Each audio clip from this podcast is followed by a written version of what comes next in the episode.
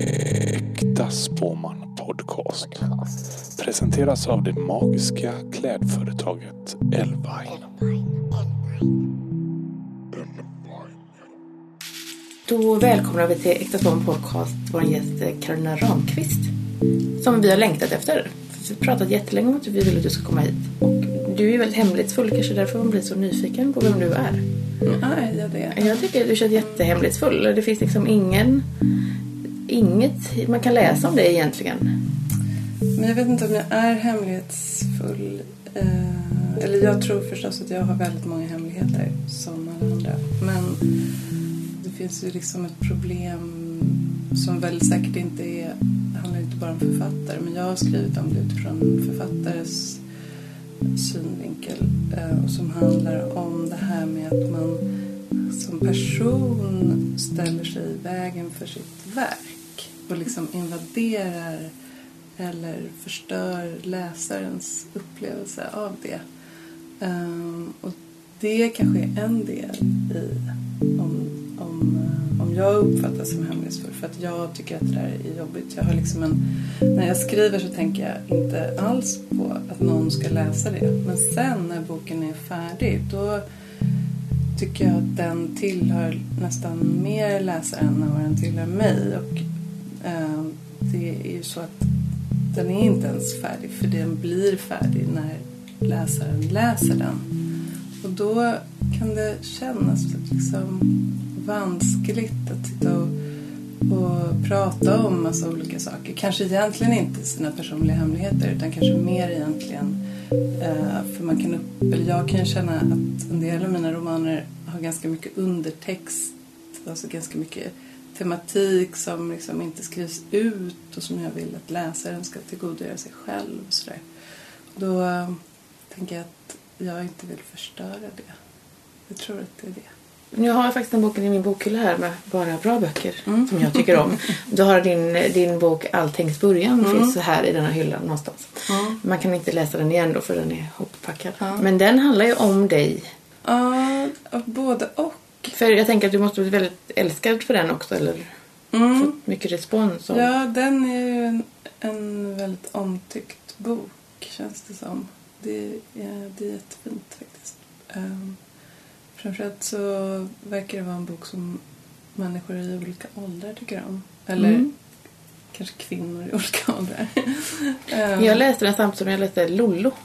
Mm, så blev jag ja. så glad så här, att det kändes som att det fanns... Jag har inte läst den, Lina Johansson. Ja, eh, den tyckte jag också om. Men jag, jag, tyckte det kändes som att det var härligt att läsa om typ, kvinnor bara. Mm. Eller som, att det var inte, inte som att det var världens viktigaste berättelse om någon som förändrade någonting eller löste någon gåta. Eller att det bara var två berättelser om kvinnor. Mm. Ja, som jag tänker att jag saknar hela tiden. Mm. Jag förstår precis. Men så tyckte jag också om Flickvännen och den här, för den läste jag ofrivilligt. Mm. Men faktiskt när jag var tränare. Mm. När det är väldigt omagiskt. Viskis och Svettis ligger jämte mig och då brukar jag gå dit och då brukar jag läsa en bok och mm. motionscykla. Så då läste jag Flickvännen och Den vita staden.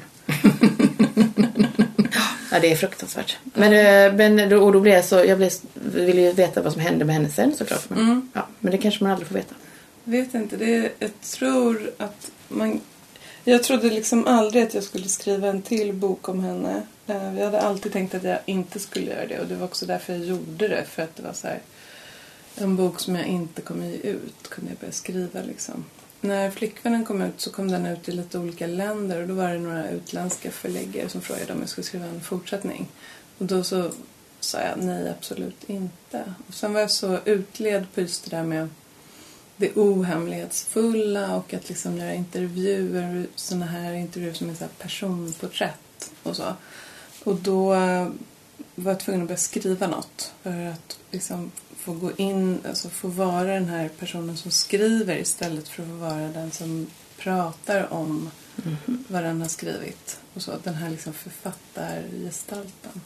Och då ville jag skriva någonting som inte skulle bli utgivet. Och då tänkte jag att eh, fortsättning på Flickvännen det har jag ju lovat att jag aldrig ska skriva. Så det var liksom som en Men varför var, det, var du trött på flickvännen eller vad tyckte du? Gillade du inte henne? Nej, det var, det var för att jag blev så anti... Alltså jag blev väldigt liksom eh, avvokt inställd när jag fick den där frågan om fortsättning.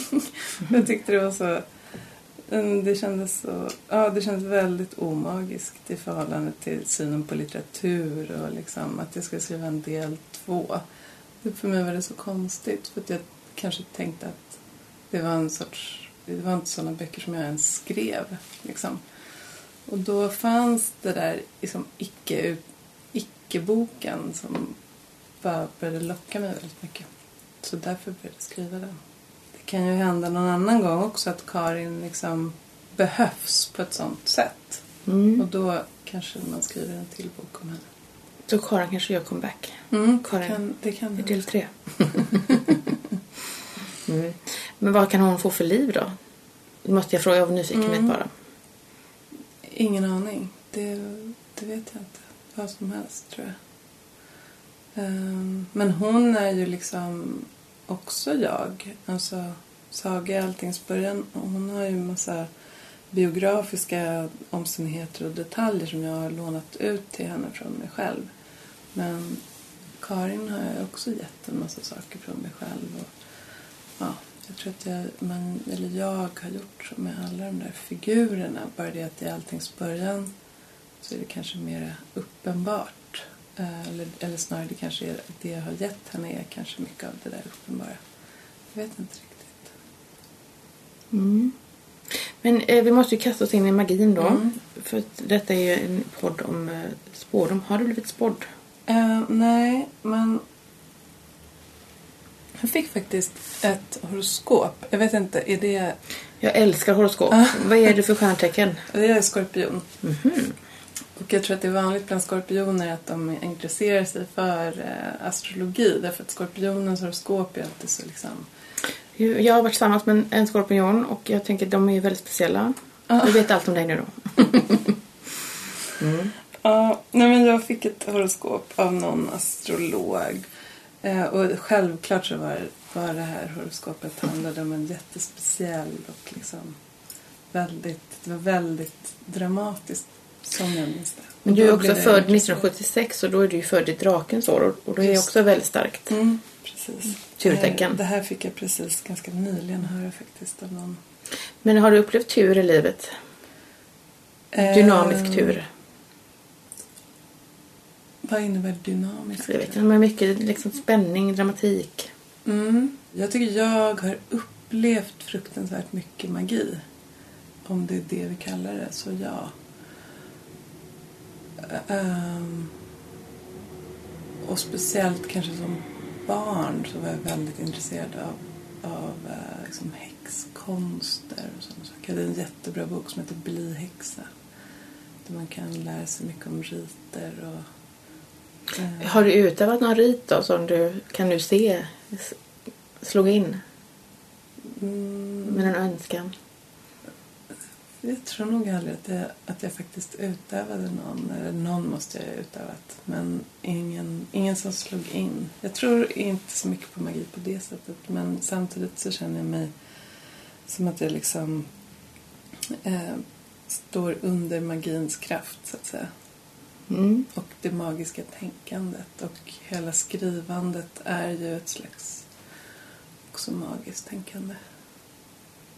Ja men nu har, nu har, nu har liksom magin avtagit lite grann. Eller jag känner att den är på väg tillbaka för mig. Men när jag var barn så upplevde jag att, att jag hade ett... Eh, alltså att jag hade ett telepatiskt tänkande som verkligen fungerade.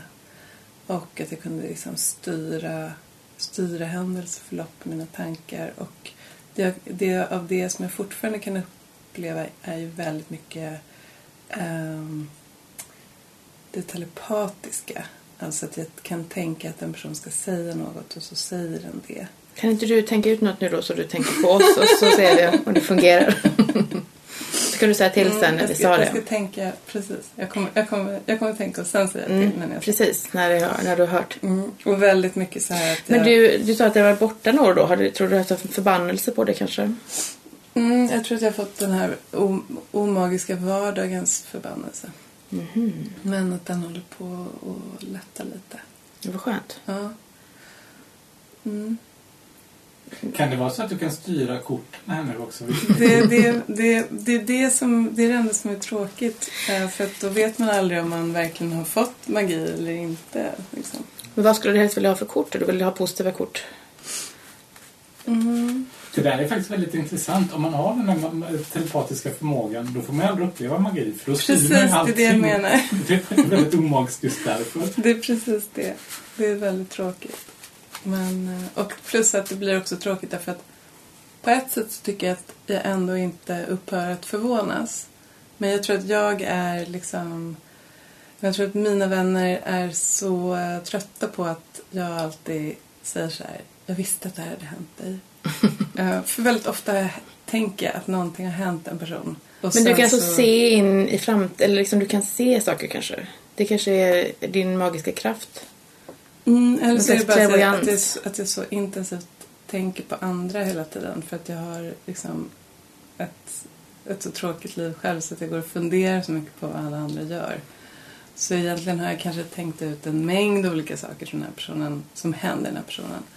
Men eh, nej, alltså så tror jag. Jag tror, jag tror faktiskt snarare att, att eh, Ja, det är oförklarligt. Men det är, men det är väldigt ofta som jag upplever att jag har... Liksom, och det är ofta tråkiga saker eh, som jag liksom har tänkt mig händer någon. Eller att jag oroar mig för någonting eh, hos en person och sen så berättar den något som tangerar det. Så det kan ju också verkligen handla om... Eh, alltså det magiska tänkandet är ju tätt förbundet med oro. Mm. Eh, och såklart med liksom empati också. Men jag tycker vi behöver inte förklara detta egentligen. Jag tycker vi bara håller oss till att du kan se Mm. saker Mm. och få hjärtecken. Mm.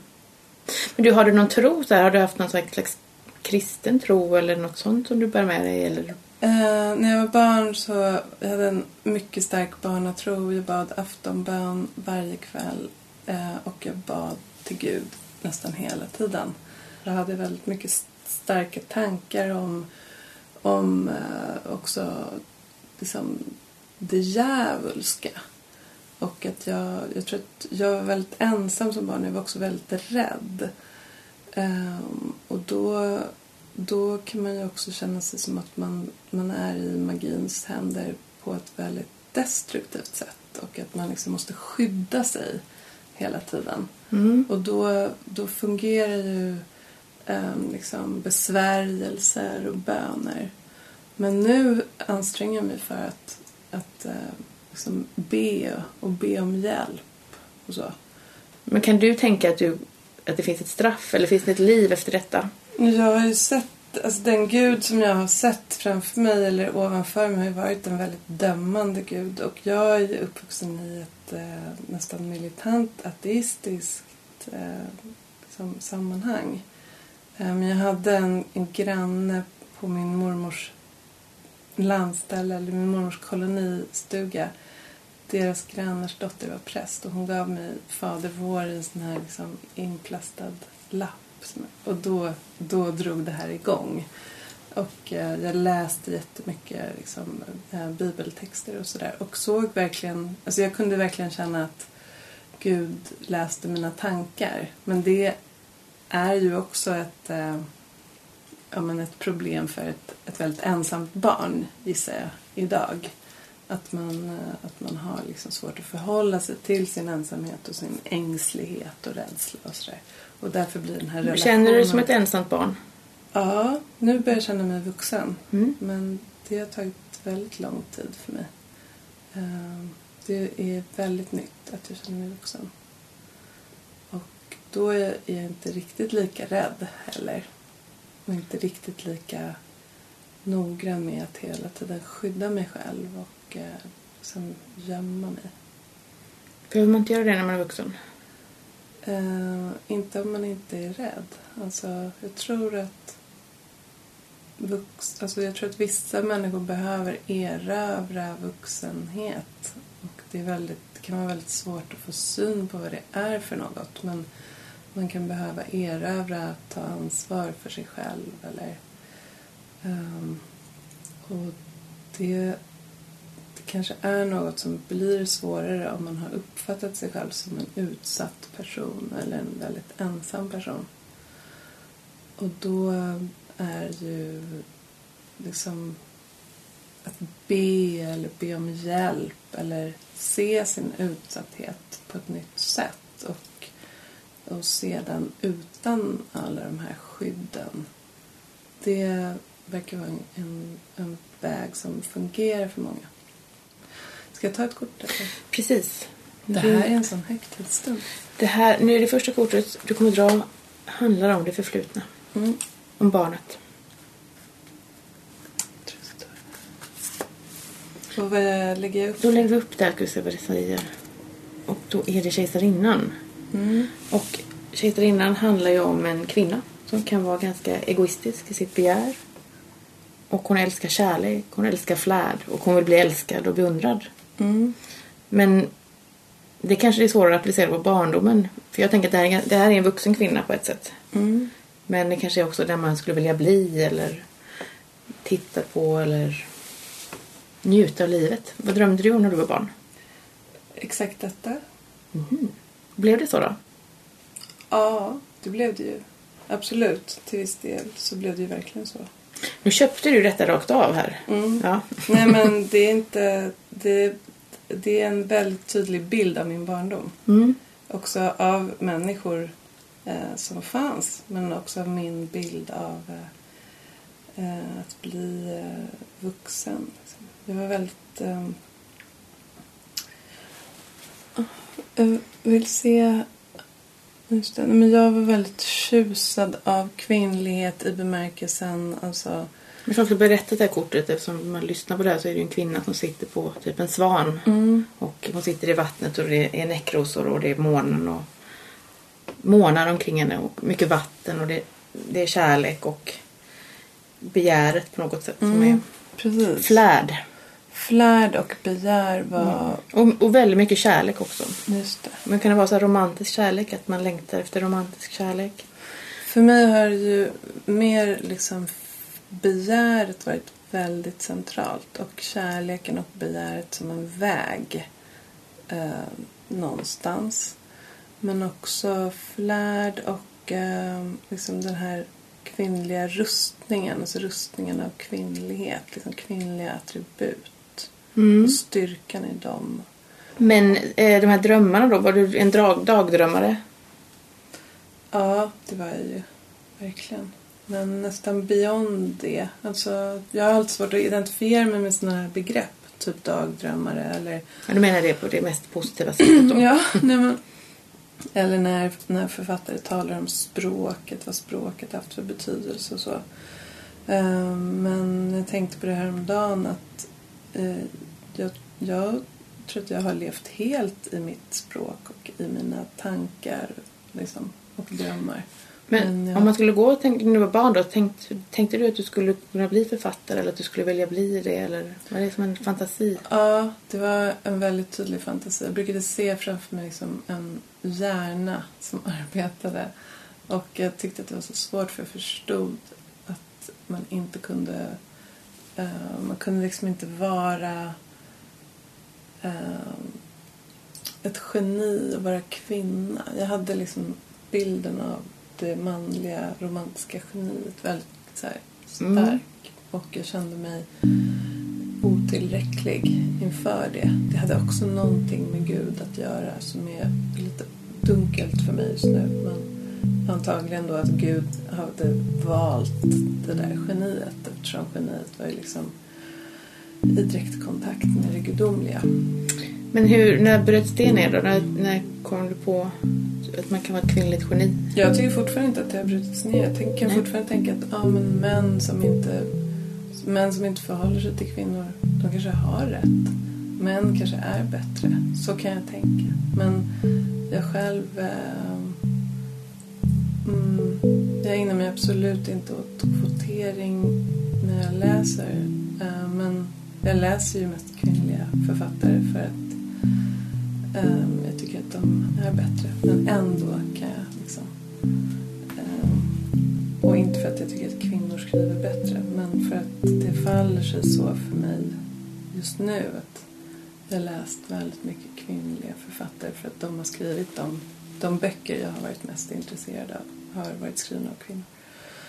Uh, läst väldigt mycket också uh, av min mammas böcker så tog jag väldigt mycket böcker utifrån hur författarna såg ut. Om de var liksom snygga. Så jag läste väldigt tidigt Erika Jong och Susanne Brögger liksom långt innan jag kunde förstå de böckerna. Varför du tyckte att de var... de var väldigt fina på de här porträtten på liksom, baksidesflikarna. Mm. Så. Mm. Men, eh, nej men jag, jag var, samtidigt så hade jag hela tiden den där oron eller funderingen om att liksom, ja men det kanske är sant. Att, att jag kände mig väldigt så här, böjd inför det patriarkala trots att jag liksom var uppvuxen i en väldigt så här, stark feministisk miljö. Så varje gång jag hörde liksom män uttrycka patriarkatets liksom, innersta tankar så kunde jag aldrig riktigt befria mig från ja, det kanske stämmer. Um, men där jag, jag tänker ändå att jag nu är ja, nu är jag lite mer befriad från det. Tror du att du kommer någonsin bli helt befriad? Mm, jag vet inte. Nej. Jag är väldigt eh, faderlös och jag tror att det, det skapar en, en djup mystik kring patriarkatet. För att man inte riktigt ens förstår vad det är för något. Och det är så djupt okänt. Men du känner inte din pappa eller?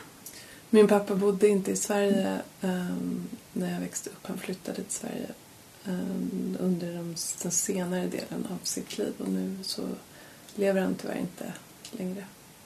Fick ni, försonades ni innan han försvann? Ehm, ja, vi försonades. Eller försonades, men är väl möttes kanske? Ja, vi möttes skulle jag vilja säga. Mm. Jo, men det gjorde vi. Jag är väldigt glad att han, att han mötte min man som jag är gift med. Det gläder mig väldigt mycket faktiskt att de träffades. Um, så då är det lite som att man har ett vittne. Liksom. Att någon, den som, en som man lever med vet vad man pratar om eller har sett. Mm. Men eh, jag tänker på den här kejsarinnan då. Mm. Den handlar ju jättemycket om kärlek också detta kortet. Tror du, nu lever du ju då i, i gift också. Mm. Är det bra att vara gift? Ja, för mig har det varit väldigt bra. Ehm, Jag har varit otroligt eh, liksom, tveksam till äktenskapet som institution. Och för mig är det ofta bra att eh, göra tvärtom mot hur jag har tänkt eller förändra. Liksom. Jag, jag ändrar mig gärna om saker. Många ser det som någonting negativt, att man liksom byter ståndpunkt eller sådär. Jag tycker väldigt mycket om det. Men jag tycker också om att göra saker som jag liksom hittills har eh, förnekat eller eh, man inte velat veta av. Och att gifta sig var verkligen en sån sak. Ehm, jag tror att det var intressant för mig att liksom ingå i det med tanke på att jag just har varit väldigt ensam och byggt mitt liv väldigt mycket utifrån min ensamhet. Um, och då blir det uh, intressant att göra en sån sak. Det är som en helt annan riktning. Mm. Ska vi titta in i nuet och se hur, hur blev riktningen? Gärna. Jag vill, alltid bli spådd. Och då i detta kortet så står det ju fördärv. Och Det är ju ett väldigt gammaldags ord kanske för någonting. Men det är också en växt, en blomma är det ju, som, där det vissnar. Men jag tolkar också det här kortet eh, symboliserar någonting som är väldigt centralt i, för mig just nu och som handlar om liksom, kroppens fördärv och just det här som vi ser på bilden. Alltså hur liksom, Mm. skönheten falnar och eh, att liksom åldras och vissna och eh, bara att livet är förgängligt. Liksom. Men är det något du tänker på mycket? Mm, jag tänker på det väldigt mycket. Ehm, och jag tänker på det... Nu har jag, nu har jag börjat tänka på det mer som en, en sorts lättnad, kanske. att det känns skönt. Ehm, men det här är verkligen... eh, Det fungerar verkligen. Det, det är sant, det stämmer. Det är verkligen sant. Men det rimligaste är att du får tornet sen då som betyder, i framtiden som betyder katastrof. Ja. Där det rasar. Ja, jag förstår. Nej, men jag tänker väldigt mycket på liksom... Ja, på det här, på fördärvet. Alltså på... Och jag, jag har också tänkt väldigt mycket på um, liksom yta och estetik och um, ja, men begär och passion och liksom de sakerna. Och på ett sätt så så känner jag att det är en väldigt stark lättnad att, um, att börja känna sig som en åldrande kvinna. Och liksom, jag har varit väldigt intresserad av så här, objektifiering och de sakerna. Och nu är jag ja, mindre intresserad av det. Men ehm, Så det är en blomma som har slutat vattna nu då? ja. Den vissnande. Vad är det Men du kan ju börja vattna blomman också tror jag. Jag Mm. kan säga att det, det kanske är någonting du ska plocka upp eller... Om kortet skulle säga något då. Ja, Du behöver inte jag låta det vissna. I, i kortet. Men hur såg de här kvinnorna ut på de här flikarna? Du vet väl hur Susanne Brögger såg ut? Ja. Ja. Men var hade- inte hon lite åldrad och liksom lite Jo, tärd av jo, livet? gud, så det var ja. det jag menade med den frågan. Och det var väl liksom. det jag tyckte var sexigt. Liksom. Absolut. Men hos mig själv, not so much. Ja. Ehm, nej, men eh, jag har aldrig trott att, att jag var intresserad av ungdomlig skönhet. Liksom. Jag har alltid trott att jag var intresserad av kejsarinnan som vi ser här. Och liksom kvinnlig. Alltså jag, var, jag var väldigt fascinerad av eh, ja, men typ läppstift, stövlar med väldigt höga klackar. Sådana här attribut som är både hårda och mjuka på en gång. Som är som både päls till exempel.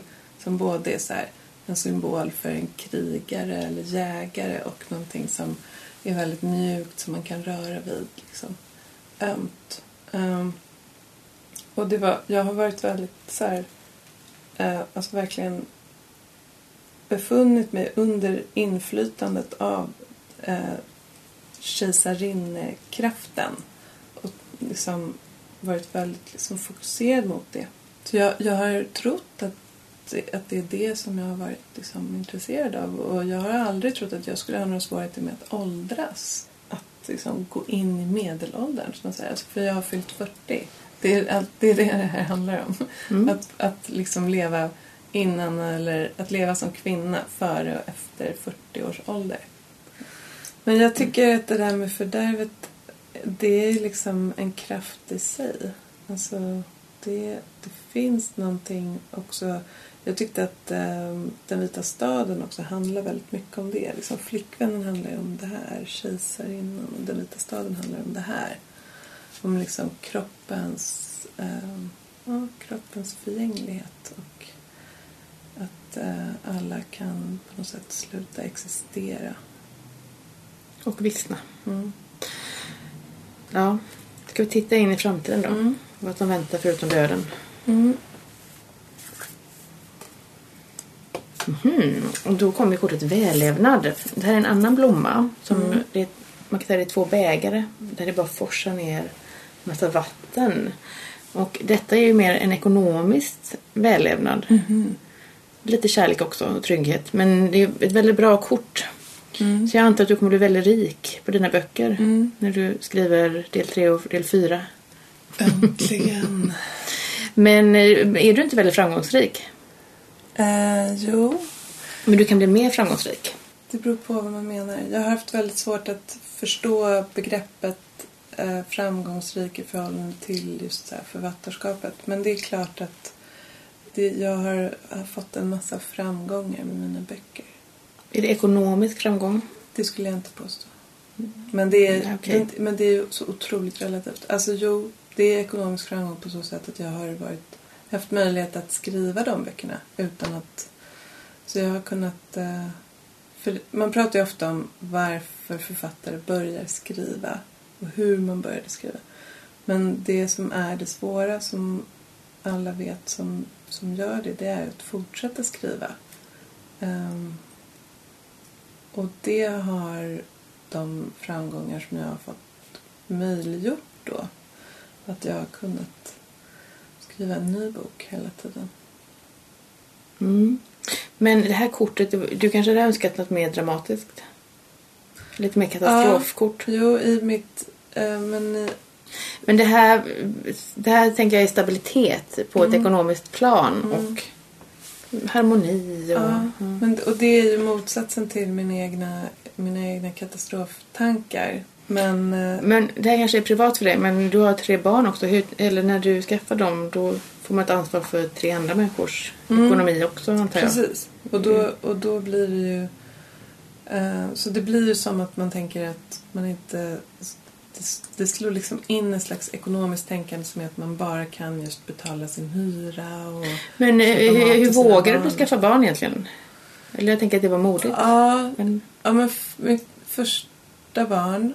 Eh, då ville jag så gärna ha barn. Och det förvånade mig också så otroligt mycket att det var som en jättestark längtan i mig. Och där upplevde jag väldigt mycket magi också. Och det hade jag nog aldrig kunnat säga till någon jag kände att jag ville ha barn.